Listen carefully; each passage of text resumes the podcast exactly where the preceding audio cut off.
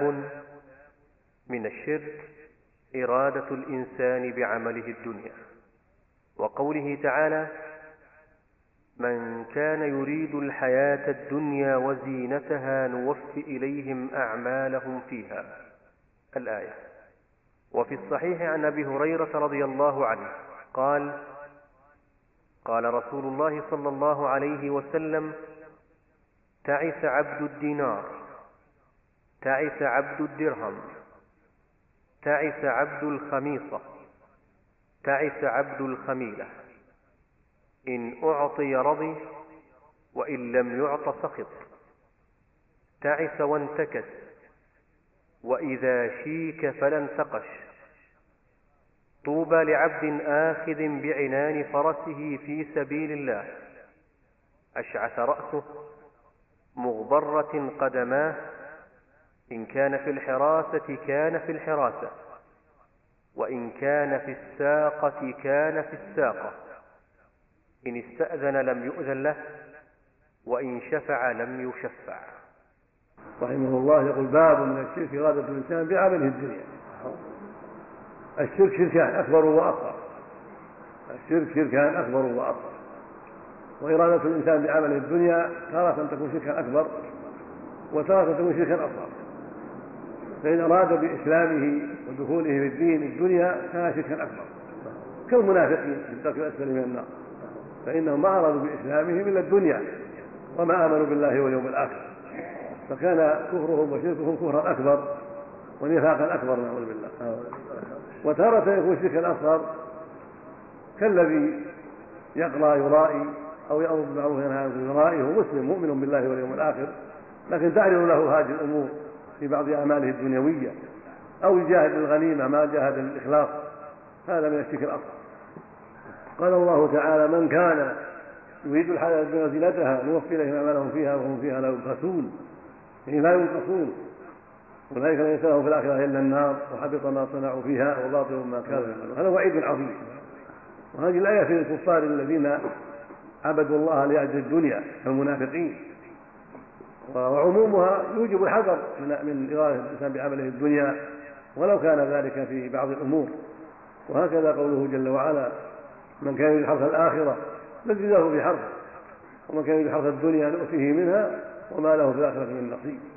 وهكذا قوله عز وجل من كان يريد العاجلة يعني الدنيا عجلنا له بها ما نشاء لمن نريد ثم جعلنا له جهنم يصلاها مذموما مدحورا ومن أراد الآخرة وسعى لها سعيها وهو مؤمن فأولئك كان سعيهم مشكورا. ففي هذه الآية قيد وفي الآيتين السابقتين أطلق. والآية مقيدة تقيد ما تقدم. وأنه ليس كل من أراد الدنيا تحصل له الدنيا لا. قد يحصل له بعض ما أراد قد لا يحصل له بعض ما أراد.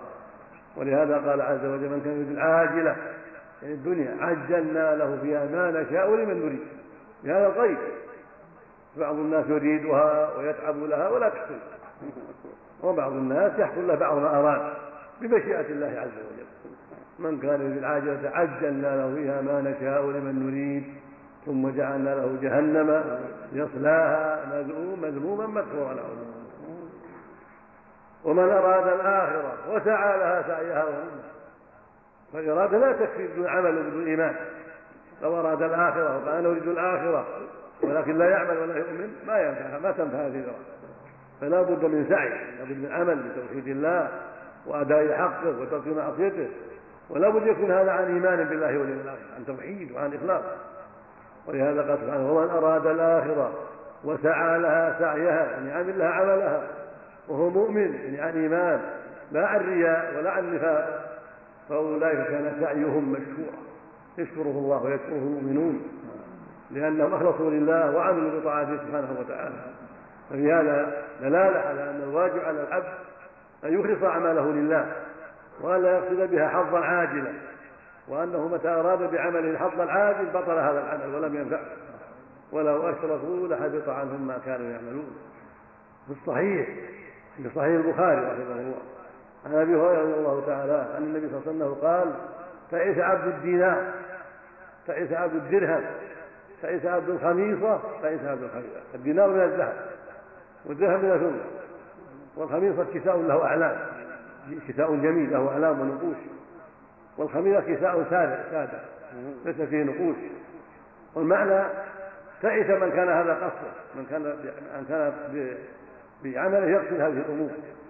من كان بعمله ودخوله في الإسلام أو عمله ما أظهر من الإسلام إنما عمله للجهار أو للدرهم أو للخميصة أو أو الخميلة يعني تعس من كانت أعماله للنقود أو للمتاع الآخر كالمنافقين وأشباههم.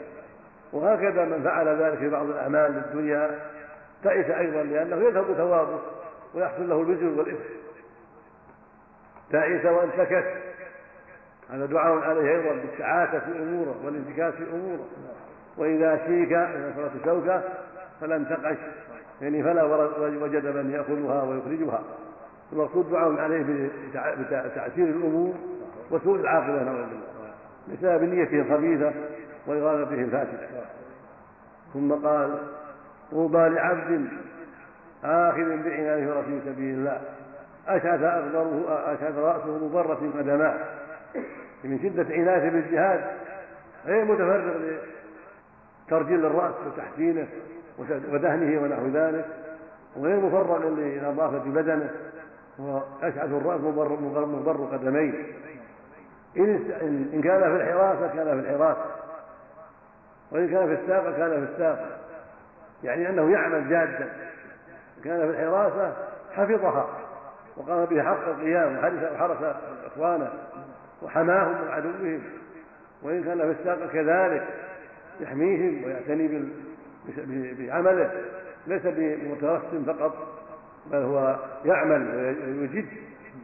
وإن كان في الحراسة كان فيها على الحقيقة لا على الدعوة. وإن كان في السابق كان فيها على الحقيقة. يعني رجل عامل صادق.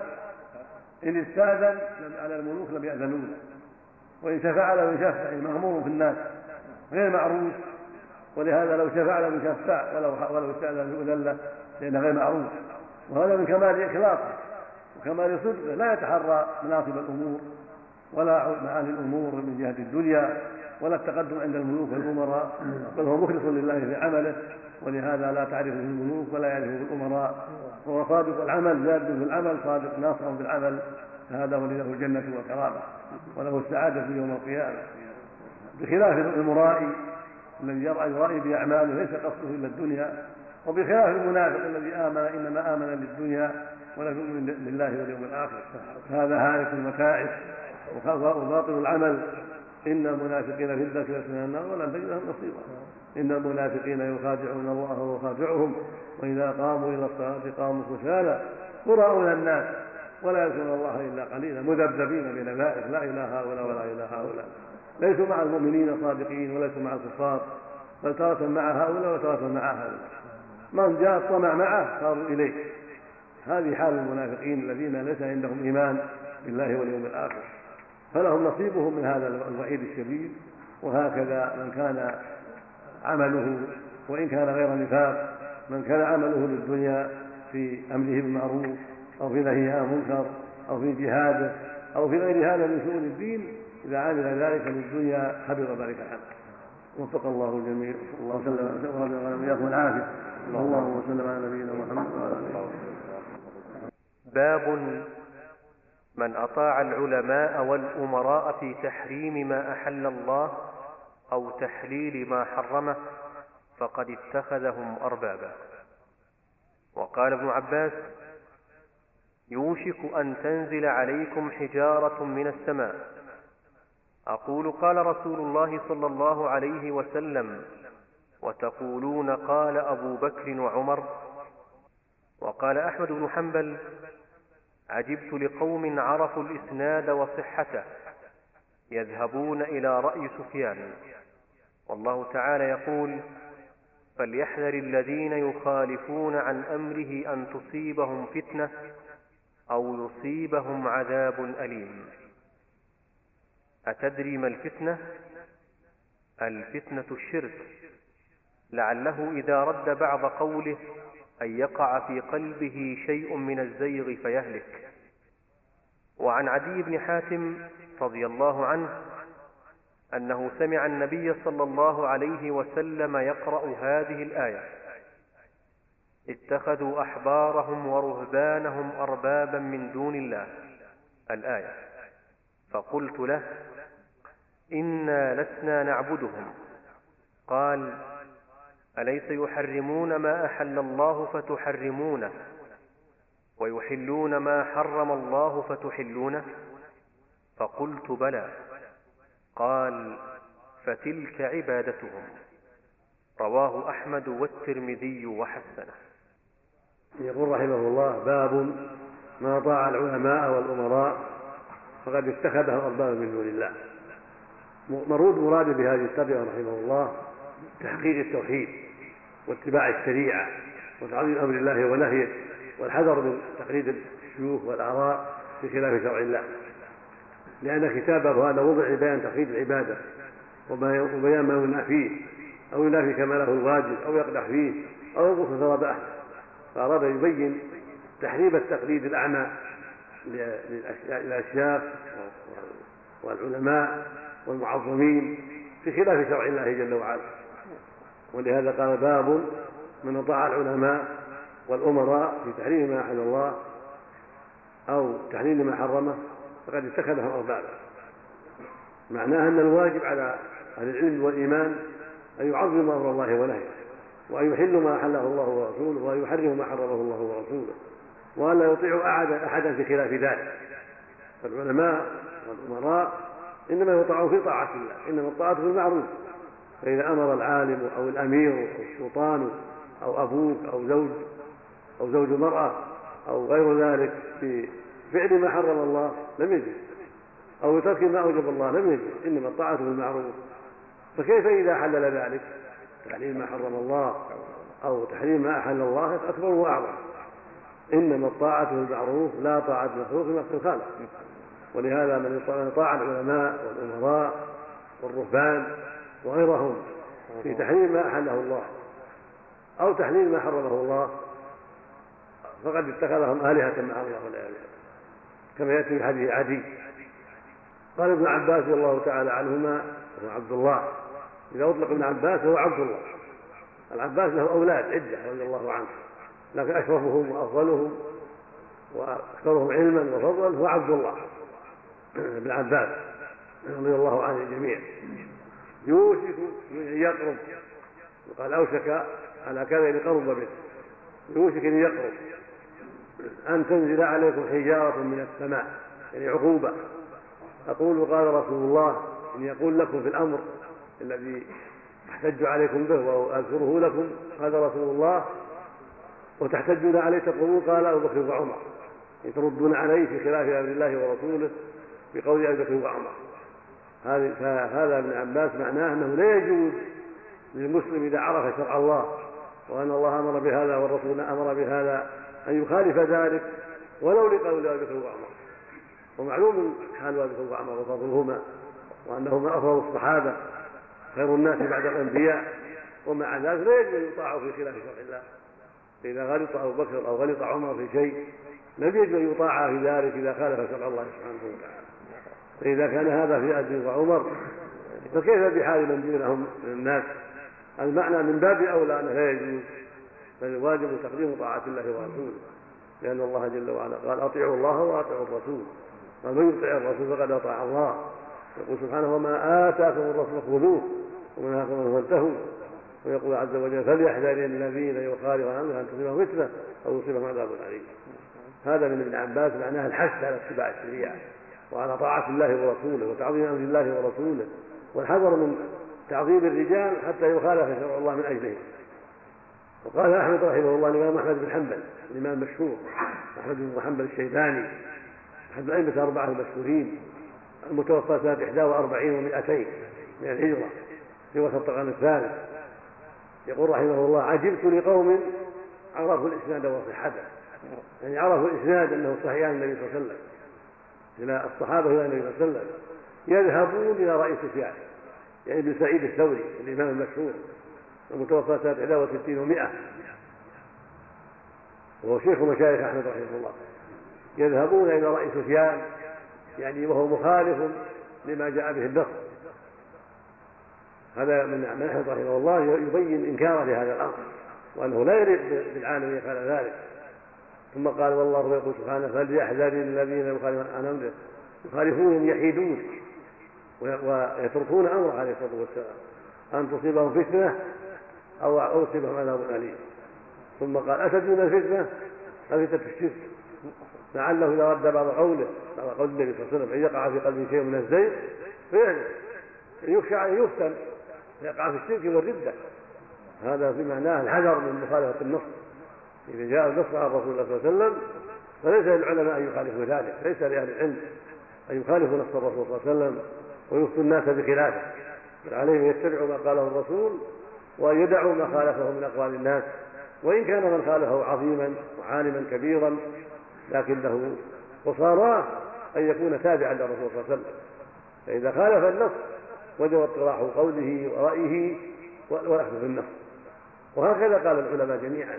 قال الصحابة قال العلماء كلهم يقولون إذا خالف قولنا قول الرسول فالواجب ترك قولنا ترك قولنا لقول الرسول عليه الصلاة والسلام. لأنهم يعلمون أن الرسول هو المتبع والمطاع والمشرع المبلغ عن الله فليس لأحد أن يخالف أمره عليه الصلاة والسلام. بل يجب أن يطاع ويتبع فيما جاء قال تعالى قل إن كنتم تحبون الله فاتبعوني يحبكم الله ويغفر لكم ذنوبكم. قال عدي رضي الله عنه قال لما قدم على النبي صلى الله عليه وسلم قال له صلى الله عليه وسلم في في شأن أحبارهم ورهبانهم إنكم تعبدونهم. قال وتلا قوله تعالى اتخذوا أحبارهم ورهبانهم من دون الله. قال يا رسول لسنا نعبدهم ظن زيد سعدي أن إذا أتاهم معناها السجود لهم أو الركوع لهم أو نحو ذلك. قال أليسوا يحلون ما حرم الله فتحلونه ويحرم ما حل ما حله تحرمونه قال بلى.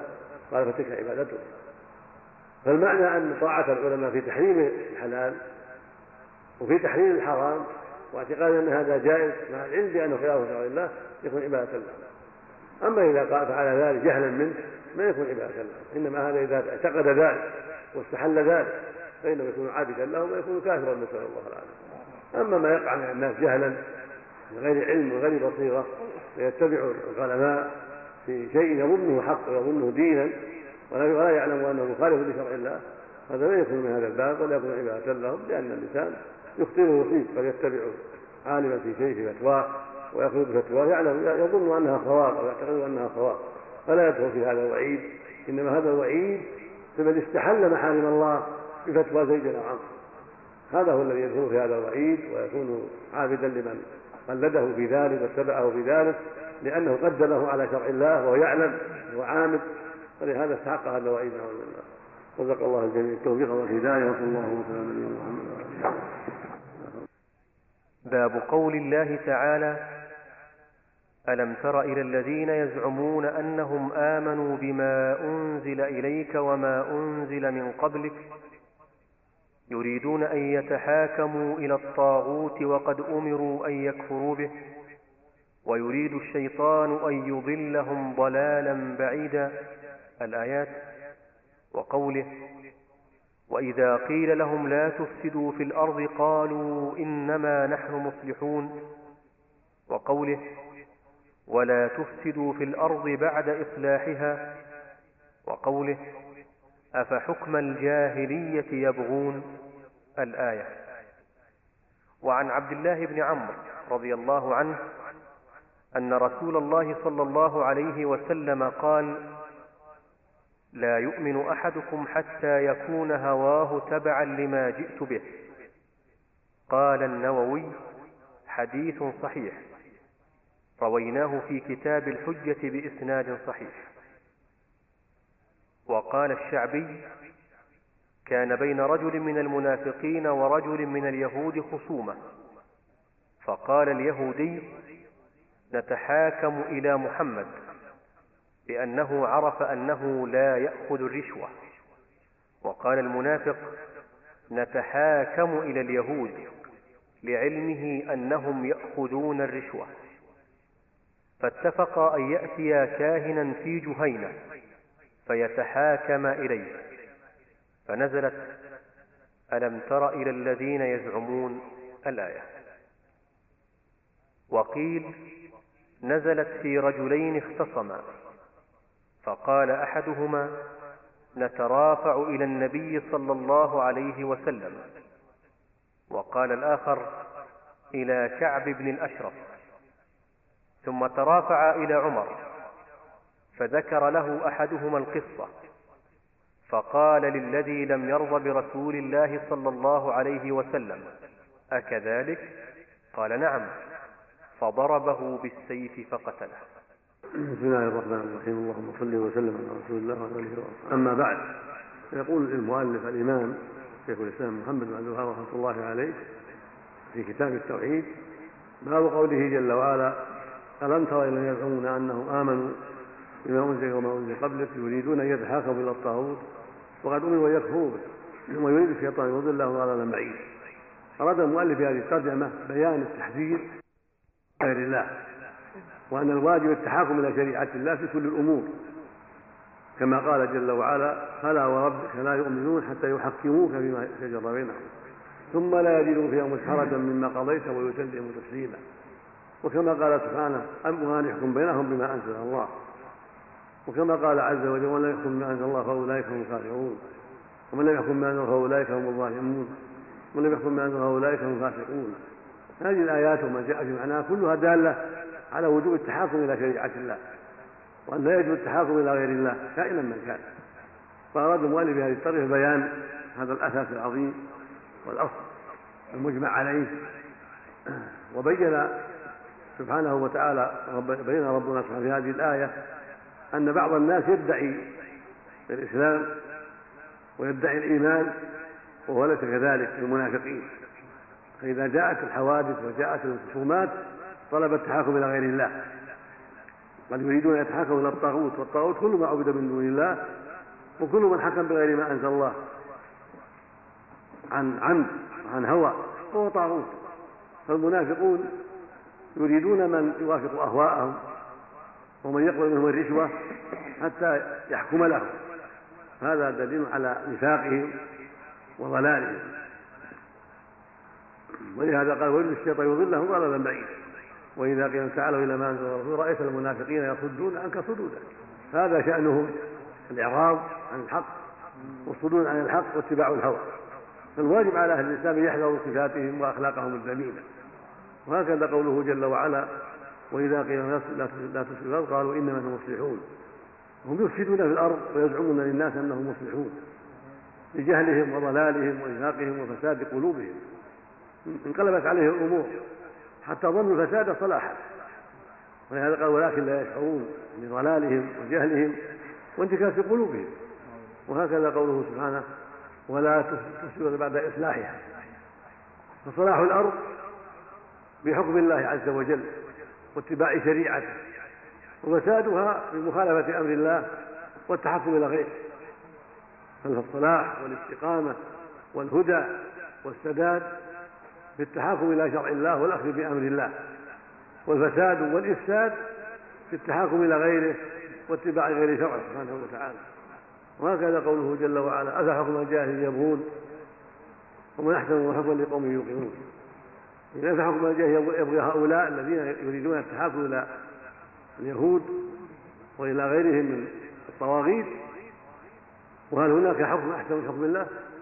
ليس هناك احسن من حكم الله لأنه العالم بصالح عباده والعالم بما تنتهي إليه أمورهم والعالم بعواقب الأمور هو العالم بكل شيء فلا حكم احسن من حكمه سبحانه وتعالى لأنه يتضمن إيصال الحق إلى مستحقه ودفع الظلم والقضاء على أسباب الفساد فهو أعلم بأحوال عباده وهو أعلم بما يصلحهم سبحانه وتعالى. ولهذا جعل شريعته حكما بينهم. ومن أراد خلاف ذلك فقد أراد الفساد في الأرض. فصلاح الأرض بطاعة الله ورسوله وفسادها بعصيان الله ورسوله. وفي الباب حديث عبد الله بن عمرو بن العاص رضي الله تعالى عنهما عن النبي صلى الله عليه وسلم قال عن النبي عليه الصلاة والسلام قال لا يؤمن أحدكم حتى يكون هواه تبعا لما إذا يؤمن الايمان الكامل الواجب حتى يكون هواه وإرادته وقصده وطلبه تبعا لما جاء به النبي عليه الصلاة والسلام. هكذا يجب على المؤمن أن تكون ميوله وأهواؤه ونياته وإراداته كلها خاضعة لحكم الله عز وجل. لا ينبغي بذلك بديلا. وقيل نزلت الآية وأنت يدعون في رجلين اختصما الشعبي رحمه الله هو عامر بن شراحيل الهمداني تابع جليل. عامر بن شراحيل الهمداني يقال الشعبي نسبة إلى قبيلة في اليمن يقال لهم شعب. قال إنها نزلت في رجلين يهودي ومنافق. اختصما فقال اليهودي يتحاكم إلى محمد صلى الله عليه وسلم لأن عرف أنه لا يأخذ الرشوة. وقال المنافق اللي يدعي الإسلام وهو منافق نتحاكم إلى كعب بن أشرف لأن علمه أنه يأخذ الرشوة.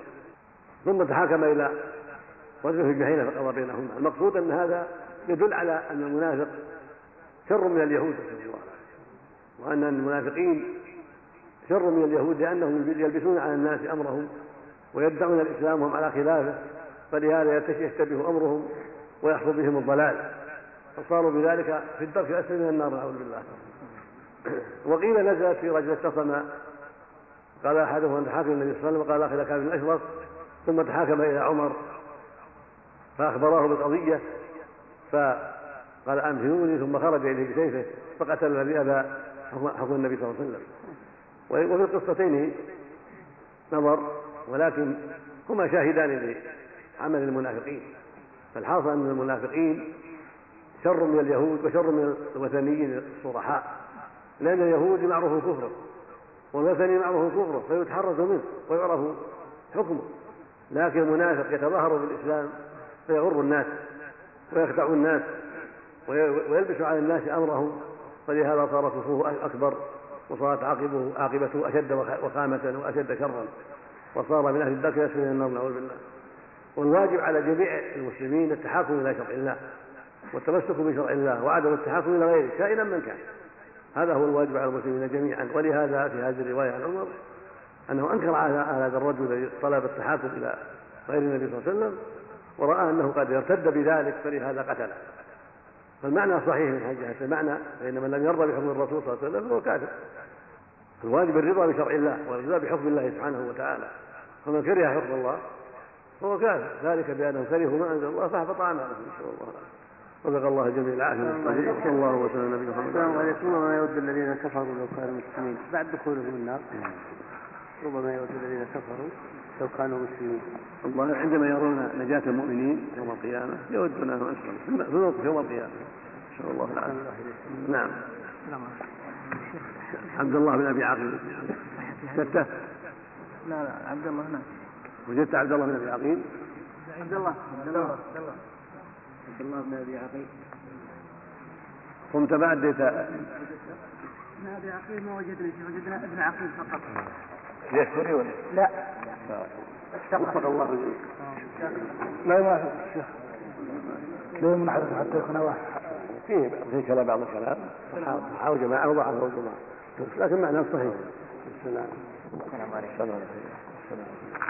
الله إليك. معنى على الله خلق آدم إن سميعا بصيرا يتكلم ولا وجه ولا يد ولا قدم ولا يشبه الله شيء سبحانه. ليس كمثله شيء الرسول. لكن سبق معنى سميعا بصيرا متكلما ذا وجه ولا علم ولا كلام. لو سبق المعنى على حرف. اي على على مثل صورة يعني من جنس من السميع البصير. لا من جهة المشابهة العلم مثل العلم والسمع مثل السمع والبصر. لا ليس كمثله شيء لكن الله سميع وابن آدم سميع. وادم سميع. الله بصير وآدم بصير. الله يتكلم وآدم يتكلم وهكذا. يعني انه سبحانه وتعالى خلقهم متكلمين سامعين مبصرين كما أنه كذلك سبحانه وتعالى. لكن ليس الذات كالذات وليس الصورة كالصورة وليس السمع كالسمع وليس البصر كالبصر كما قال عز ولم يكن له كفوا أحد. ليس كمثله شيء وهو السميع البصير. سبحانه وتعالى. ما يعد من أهل السنة غلط لا لا هم أهل السنة لكن غلط. غلط بعض الناس في هذا؟ فرارا منهم من التشبيه. الله يهديك. بالنسبة لبعض العوام بعين عينها التي لا تنام. نعم صحيح. هو لا ينام. إن الله لا ينام ولا ينبغي له أن ينام. العين. هو لا عين الله على عيني